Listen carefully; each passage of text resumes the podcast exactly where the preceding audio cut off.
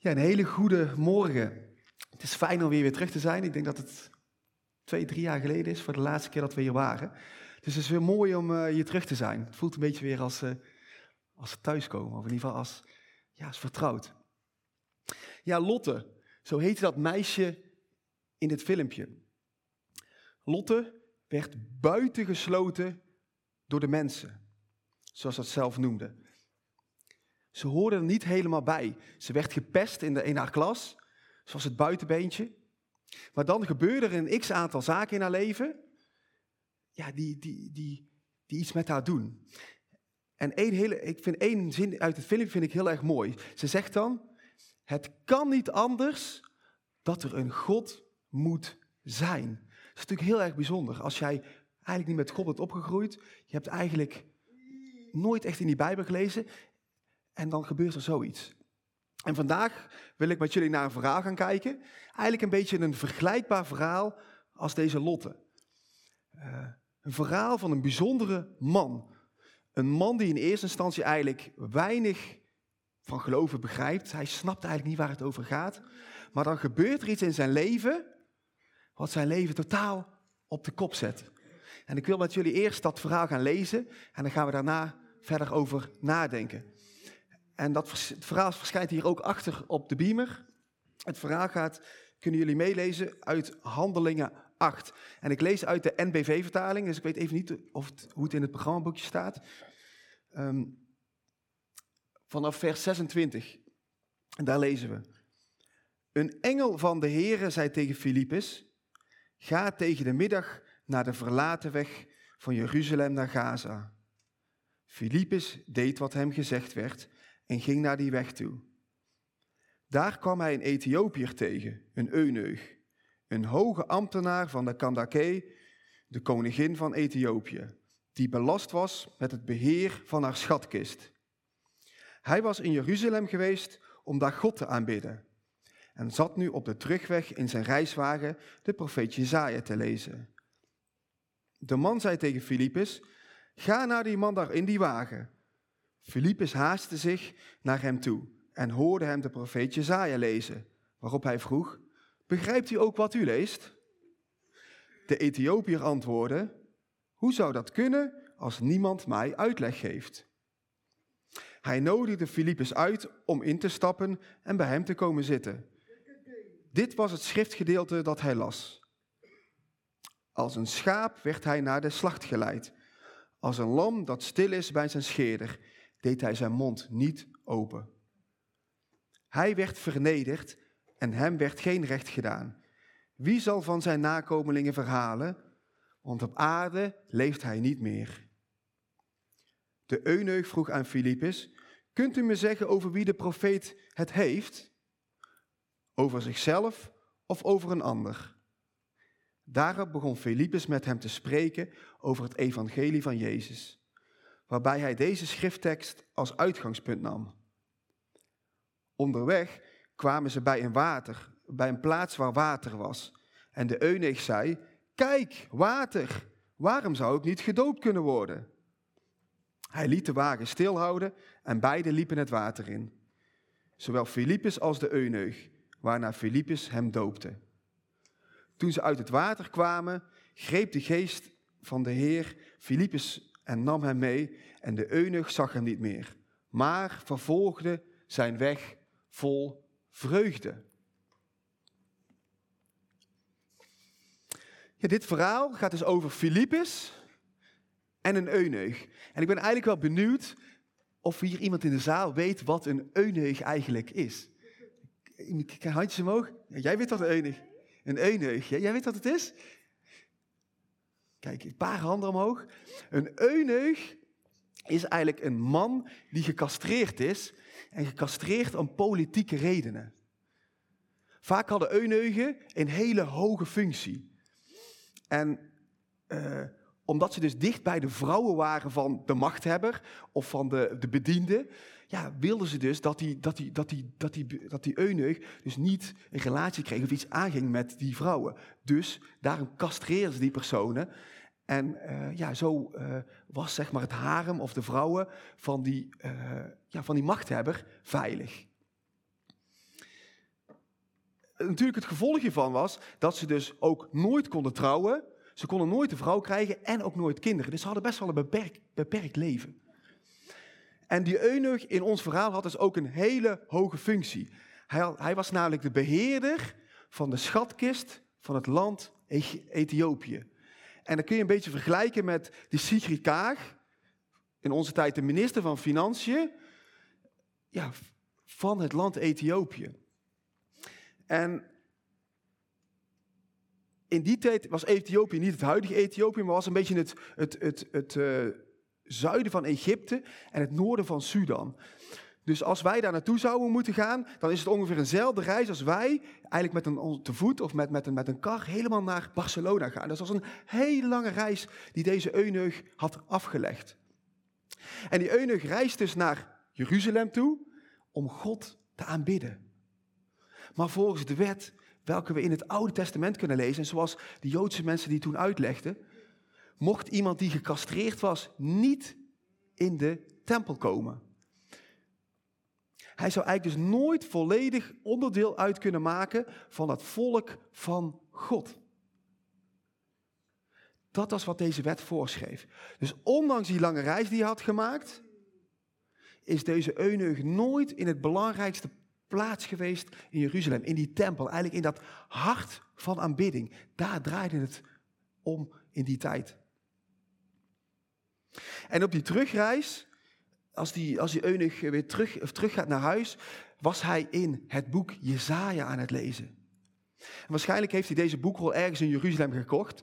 Hij had natuurlijk heel veel geld. Hij was een van de machthebbers van, van dat land. Hij was de ja, beheerder van de schatkist. En hij had waarschijnlijk een hele dure boekrol gekocht. En daar was hij dus in aan het lezen. En die boekrol, die was op het moment dat hij dat, dat las, was die al 700 jaar oud. Dus dat boek was 700 jaar voordat Jezus werd geboren, was dat boek al geschreven. En eigenlijk kun je het een beetje vergelijken van als jij of ik een boek zouden lezen uit de late middeleeuwen. Dat is echt een hele, hele lange tijd geleden. Dus die eunuch las ook een boek wat eigenlijk al heel erg oud was. En die profeet Jezaja, die beschrijft een aantal zaken. Um, Jezaja beschreef dus eigenlijk de zaken die God wilde doorgeven aan dat volk.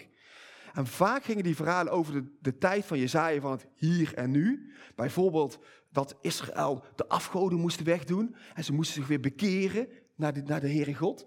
Want je ziet toch vaak dat, dat het volk Israël ja, zich weer andere wegen ging. Misschien soms herkenbaar voor ons. En uiteindelijk riepen die profeten weer op, jullie moeten weer terugkomen, jullie moeten je bekeren. En dat deed ze dan vaak op. En Jezaja was ook zo'n persoon. Maar het ging niet altijd over het hier en nu. Er waren ook heel veel verhalen die gingen over de verre, verre toekomst. En die eunuch, die zit dus op zijn wagen en hij leest hardop uit die profeet Jezaja. En hardop lezen is misschien voor ons heel erg raar als wij uh, ergens zitten hardop te lezen. Maar in die tijd was het heel gewoon, als je uit belangrijke geschriften las, las je gewoon hardop. En Filippus hoorde dus wat die eunuch aan het lezen was. En Filippus gaat naar die eunuch toe en wat vraagt hij dan? Begrijpt u ook wat u leest? Dat, dat vraagt hij Filippus aan die eunuch. En die eunuch, de Ethiopiër, antwoordt dan: Hoe zou dat kunnen als niemand mij uitleg geeft? En dat is eigenlijk best wel een beetje gek, vind ik. Hij is dus een boek aan het lezen, terwijl hij eigenlijk niet begrijpt waar het over gaat. En dan springen we een klein beetje in het verhaal. En dan wil ik eigenlijk met jullie gaan kijken naar het meest bijzondere van dit verhaal.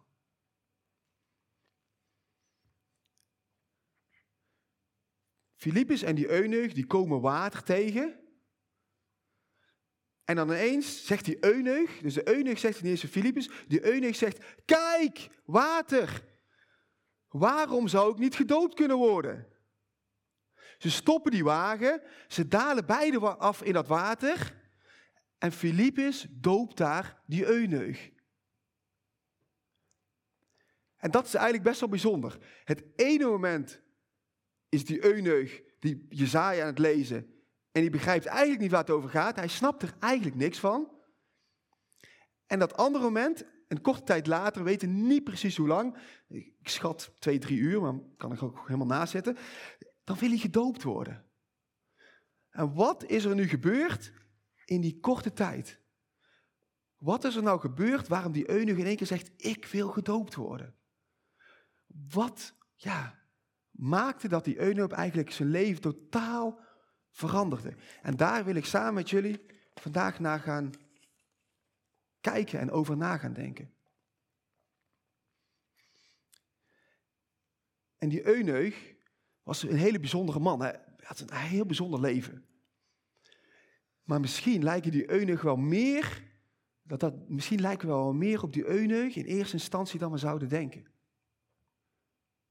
Herken je dat, dat je soms in die Bijbel dingen aan het lezen bent en je snapt gewoon echt niet waar het over gaat. En denk je echt van, wat staat hier in deze Bijbel? Ik snap gewoon niet. Ik snap niet, misschien kan je de woorden wel begrijpen, maar je snapt gewoon niet waarom wordt dit nou op deze manier gezegd. Of waarom, wat, wil, wat, wat, wat moet ik hier nou mee? En sommige stukken in die Bijbel zijn inderdaad ook heel erg moeilijk. Het is een totaal andere tijd, andere context. Heel ander leven hadden ze vaak als ons. En misschien kunnen we wel sommige stukken ook niet rijmen hoe wij die Bijbel lezen. Dus misschien hebben wij soms wel een ander godsbeeld. Of een ander, geloven we soms andere dingen. Dan lezen we in één keer iets. Ja, maar dit kan toch niet God zeggen? En dat kan soms een stukje onzekerheid geven. Dat kan soms ja, wrijving geven in ons hart. Ja. Of misschien heb je wel nog helemaal nooit in die Bijbel gelezen. Of lees je bijna nooit in die Bijbel. En heb je wel eens ooit gehoord van God is liefde? Of God houdt echt persoonlijk van jou, dat God echt persoonlijk mij lief heeft? Maar dat, ja, dat, dat, dat geloof je absoluut niet. Het is onmogelijk dat God mij persoonlijk lief heeft. En vooral niet als God weet wat ik uitgevreten heb en wat er misschien wel, als God weet wat er allemaal in mijn gedachten omgaat. Nee, als er überhaupt een God zou bestaan, dan is het, ja, dat, dan, dan zal hij echt niet naar mij omzien. Dan zal hij echt geen interesse in mij hebben. En dan zal hij echt niet van mij houden. En deze man in ons verhaal, die, die was gecastreerd. Hij hoorde dus niet helemaal bij. Hij mocht niet overal komen, hij, hij, hij kon, mocht eigenlijk niet trouwen, hij kon geen kinderen krijgen. Hij was eigenlijk ook een beetje een buitenbeentje. Hij werd dus door mensen eigenlijk ook buitengesloten, buiten die maatschappij. En herken jij dat? Uh, Simone noemde het al aan het begin. Dat jij wel eens ooit buitengesloten bent, misschien door klasgenoten, Misschien ook wel door collega's of door andere mensen. Of misschien wel soms hier in deze kerk of in een andere kerk. Dat je er niet helemaal bij hoorde. Dat mensen jou belachelijk maakten omdat je net iets anders dacht of net iets anders reageerde als de andere mensen of als de norm die er op dat moment heerste. Je voelt gewoon diep van binnen dat er over je gepraat wordt. Je merkt dat gewoon. En wat voelde je op die momenten? Misschien die pijn of verdriet of juist frustratie in je, of die afwijzing, dat je er zo graag bij wilde horen. En misschien is het al jaren, jaren geleden gebeurd, maar voor jou voelt het nog steeds ja, als, als, alsof het pas gebeurd is.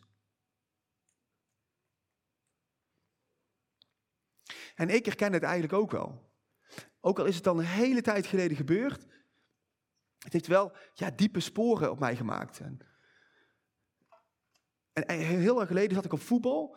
Wij trainden twee keer eh, per week in de jeugd. En ja, wat, wat doe je? Je hebt, je hebt de training. En na de training ga je douchen.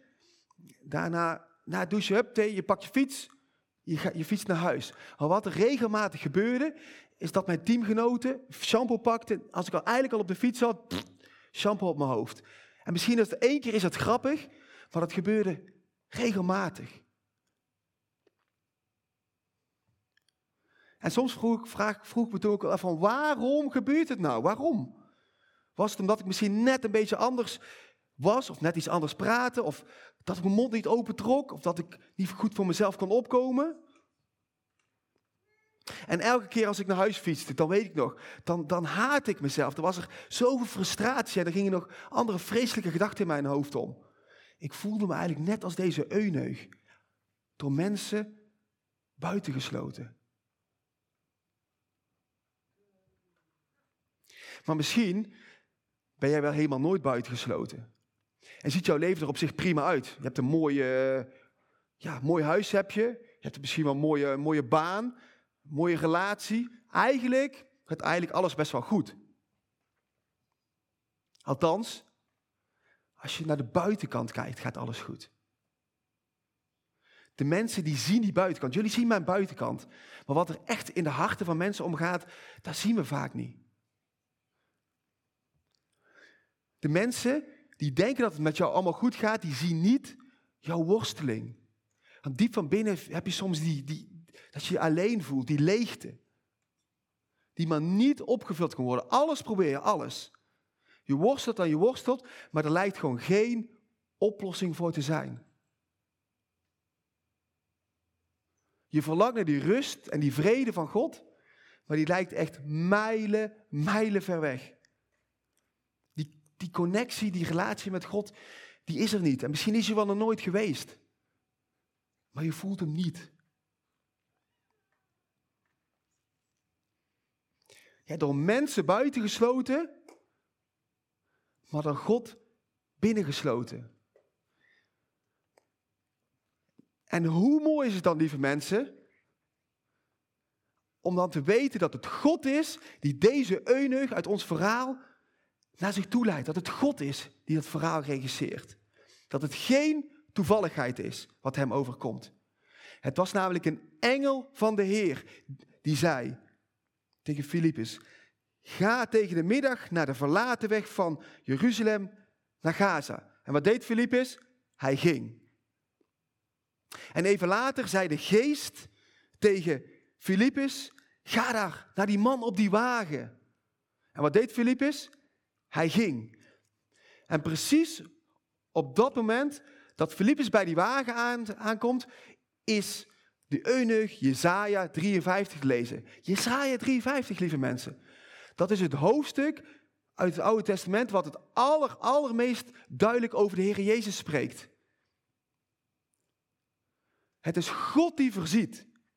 Het is Gods werk. Het is Gods timing. Want God openbaarde zich aan deze eunuch. En ook al werd deze eunuch door mensen buitengesloten, hij werd door God binnengesloten. En deze goddelijke gebeurtenissen, die gebeuren ook vandaag de dag nog. Misschien kun je straks ook grond, eh, even aan iemand anders vragen van, hey, ken jij bepaalde punten in jouw leven dat het eigenlijk gewoon hopeloos was, of dat het gewoon niet lukte, maar dat God ingreep. En een van die gebeurtenissen wil ik graag met jullie delen. Toen ik nog heel veel jonger was, werd ik helemaal stapelverliefd op een, op een meisje uit de plaatselijke supermarkt in Oorschot, bij de C1000. Inmiddels bestaat hij niet meer, dus dat is al een tijd geleden. Maar ik raakte zo enorm verliefd op dat meisje, dat ik alles voor dat meisje over had. Maar een hele korte tijd later merkte dat er iets tussen ons in stond. En ze vertelde op een gegeven moment, ik heb iets met de Bijbel. En ik had zoiets van, ja, interesseert mij nou waar je, waar je gelooft, wat je doet. Ik wil, ik wil graag jou, ik, ik, ben, ik wil met jou trouwen. Alleen, ik merkte dat, dat ze eigenlijk in een soort sectarische beweging zat. En ik had zoiets van, wat moet ik nu doen? Dus ik op internet opzoeken van, hoe kan ik dat meisje helpen? En uiteindelijk had ik een man gevonden die kon mij helpen. Dus ik ga met de trein helemaal naar Oost toe. En ik ga naar die man toe. En die man heb ik mijn verhaal verteld. En we gaan achter in de tuin zitten als een hele mooie zomerse dag. En we gaan samen uit die Bijbel lezen. En ik weet niet meer precies wat we lazen. Ik meen iets uit Johannes. Maar wat ik toen daar las, was absolute waarheid. Het was echt iets bovennatuurlijks. De woorden die ik daar las, die waren mooier dan ik ooit had gehoord. Mooier en dieper dan ik ooit had gelezen in enig ander boek. En dat raakte me zo enorm. En ook al snapte ik er eigenlijk helemaal niks van, wat ik er eigenlijk las en wat er me eigenlijk gebeurde, maar ik wist wel, in deze Bijbel, wat hierin staat, daar moet ik achteraan. En dat is eigenlijk mijn startpunt geweest om God te gaan zoeken, om achter God aan te gaan. En is dit nou alleen voor die euneug of voor zo'n Lotte uit zo'n filmpje? Of moet je dan ook speciaal zijn? Nee, absoluut nee. Jezus is gekomen voor alle mensen. Het is Jezus namelijk die die weg naar die Vader heeft geopend. Voor iedereen. En het heeft Jezus alles gekost. Hij heeft zijn leven ervoor moeten geven. Hij heeft zijn leven moeten ja, opofferen. En ik wil een, twee, nog twee versen lezen met jullie uit wat die Euneug las uit ons verhaal. En dan zien jullie ook hier achter op de beamer. Toen hij op die wagen zat, was hij deze vers aan het lezen op het moment dat hij Filippus dat hoorde. Als een schaap werd hij naar de slacht geleid. Als een lam dat stil is bij zijn scheerder, deed hij zijn mond niet open. Hij werd vernederd en hem werd geen recht gedaan. Wie zal van zijn nakomelingen verhalen? Want op aarde leeft hij niet meer. Toen Jezus naar het kruis ging, toen zweeg hij. Hij deed zijn mond niet open. Hij wist namelijk waarom hij deze weg moest gaan. En in Jezaja, die, die, die verse die, die, die de Euning het lezen is, die, die we hier ook gelezen hebben, lezen we namelijk waarom dat is. Het is namelijk Hij, Jezus, die droeg onze ziekte op dat kruis. Hij, Jezus, droeg ons lijden op dat kruis. Om onze zonde, om jou en mijn zonde, werd Jezus doorboord. Om onze ongerechtigheden, alle dingen die wij verkeerd deden, werd hij helemaal verbrijzeld. En als iets verbrijzeld is, dan kan het niet meer kapot en stuk. Zo was Jezus. Door de ongerechtigheden van jou en mij. Dus al die tekortkomingen, al die fouten, al die verkeerde gedachten van de hele mensheid, maar ook van jou en van mij, nam hij op dat kruis. Hij offerde zichzelf. Waarom? Zodat wij dat offer niet meer hoeven te brengen. En dat is ontzettend goed nieuws. En God zoekt niet alleen deze euneug, hij zoekt ook jou en jou en jou en mij. En ook Lotte uit dat filmpje. Jij kunt vrij tot God gaan. Jij kunt zijn liefde ontvangen. Je kunt echt een kind van God worden. Je kunt verzoend worden met God. En waarom? Omdat hij alles al heeft volbracht. Alles. En dit was wat die eunuch had ontdekt. Hij ontdekte die liefde, die onvoorwaardelijke, opofferende liefde van Jezus. En dit is zoiets fantastisch, dat die eunuch zegt, ik wil direct nu gedoopt worden. Hij zei, ik kies vandaag voor Jezus. Als Jezus zo is, dan wil ik hem volgen. En na die doop, wat, wat lezen we dan, wat lazen we dan? Vervolgde hij zijn weg met blijdschap. Want ook al is de weg met Jezus niet altijd makkelijk, ik denk zelfs dat hij soms echt wel moeilijker is als zonder Jezus. Maar het is wel een weg met diepe vrede en diepe blijdschap, die alles, alle, alles in je leven overstijgt. En binnenkort wordt hier in de brug ook een doopdienst gegeven, volgens mij 26 juni. Laten mensen zich dopen. waarom? Omdat ze ook kiezen voor Jezus, omdat ze ook die Jezus achterna willen gaan. En jij, jij bent ook meer dan welkom om je over te geven aan deze Jezus. Dank jullie wel.